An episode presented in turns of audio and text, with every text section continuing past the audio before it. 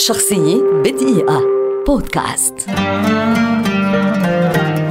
لطفي بوشناق. مطرب عازف عود وملحن تونسي شهير. ولد عام 1954 ويعد واحدا من أهم الملحنين والمطربين في الشرق الأوسط وشمال إفريقيا. وقد أطلق عليه لقب بافاروتي تونس. وهو دون شك أحد أهم وجوه الفن والثقافة في العالم العربي في التاريخ المعاصر. ظهر اهتمامه بالموسيقى منذ سن مبكرة فانضم إلى فرقة الموسيقى التونسية في المدرسة الراشدية كأول عازف منفرد. مارس الغناء وحسن أسلوبه مع الموسيقي وعازف العود الشهير علي السريتي. ما سمح له باكتساب أصول الموسيقى الكلاسيكية المصرية مع الميل الواضح للارتجال إذ أن صفاته الصوتية تسمح له بذلك وهو الأسلوب الذي تميز به فيما بعد.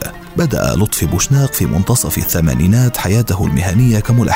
وقام فيما بعد بإنشاء استوديو التسجيل الخاص به وتعاون خلال مسيرته مع فنانين مشهورين مثل المصري سيد مكاوي والعراقي فتح الله أحمد والجزائري شاب خالد. وقد قام بوشناق بتفسير وتأليف جميع الأنواع الموسيقية مألوف تونسي أندلسي مصري خليجي وغيرها. ومن أشهر أغنياته نذكر كل ما فيك حبيبي اثنين عايشين غناية ليهم أنا حبيت أنا المواطن وقصيدتي ليلى ورسالة إلى الأمة من أشعار صاحب السمو الشيخ محمد بن راشد آل مكتوم كان للطفي بوشناق تجارب تمثيلية أيضا إذ شارك في المسلسلات التلفزيونية التونسية والأفلام مثل مكتوب والصندوق السحري ونوبة. وقد حصل خلال مسيرته على عدد كبير من الجوائز والأوسمة والتكريمات في جميع أنحاء العالم العربي. هو الذي غنى الوطن والقضية والإنسان والإنسانية وشكل بفضل ثرائه وتنوعه الفني ذخيرة فريدة من نوعها في تاريخ الموسيقى العربية تاركا بصمة لن تنسى.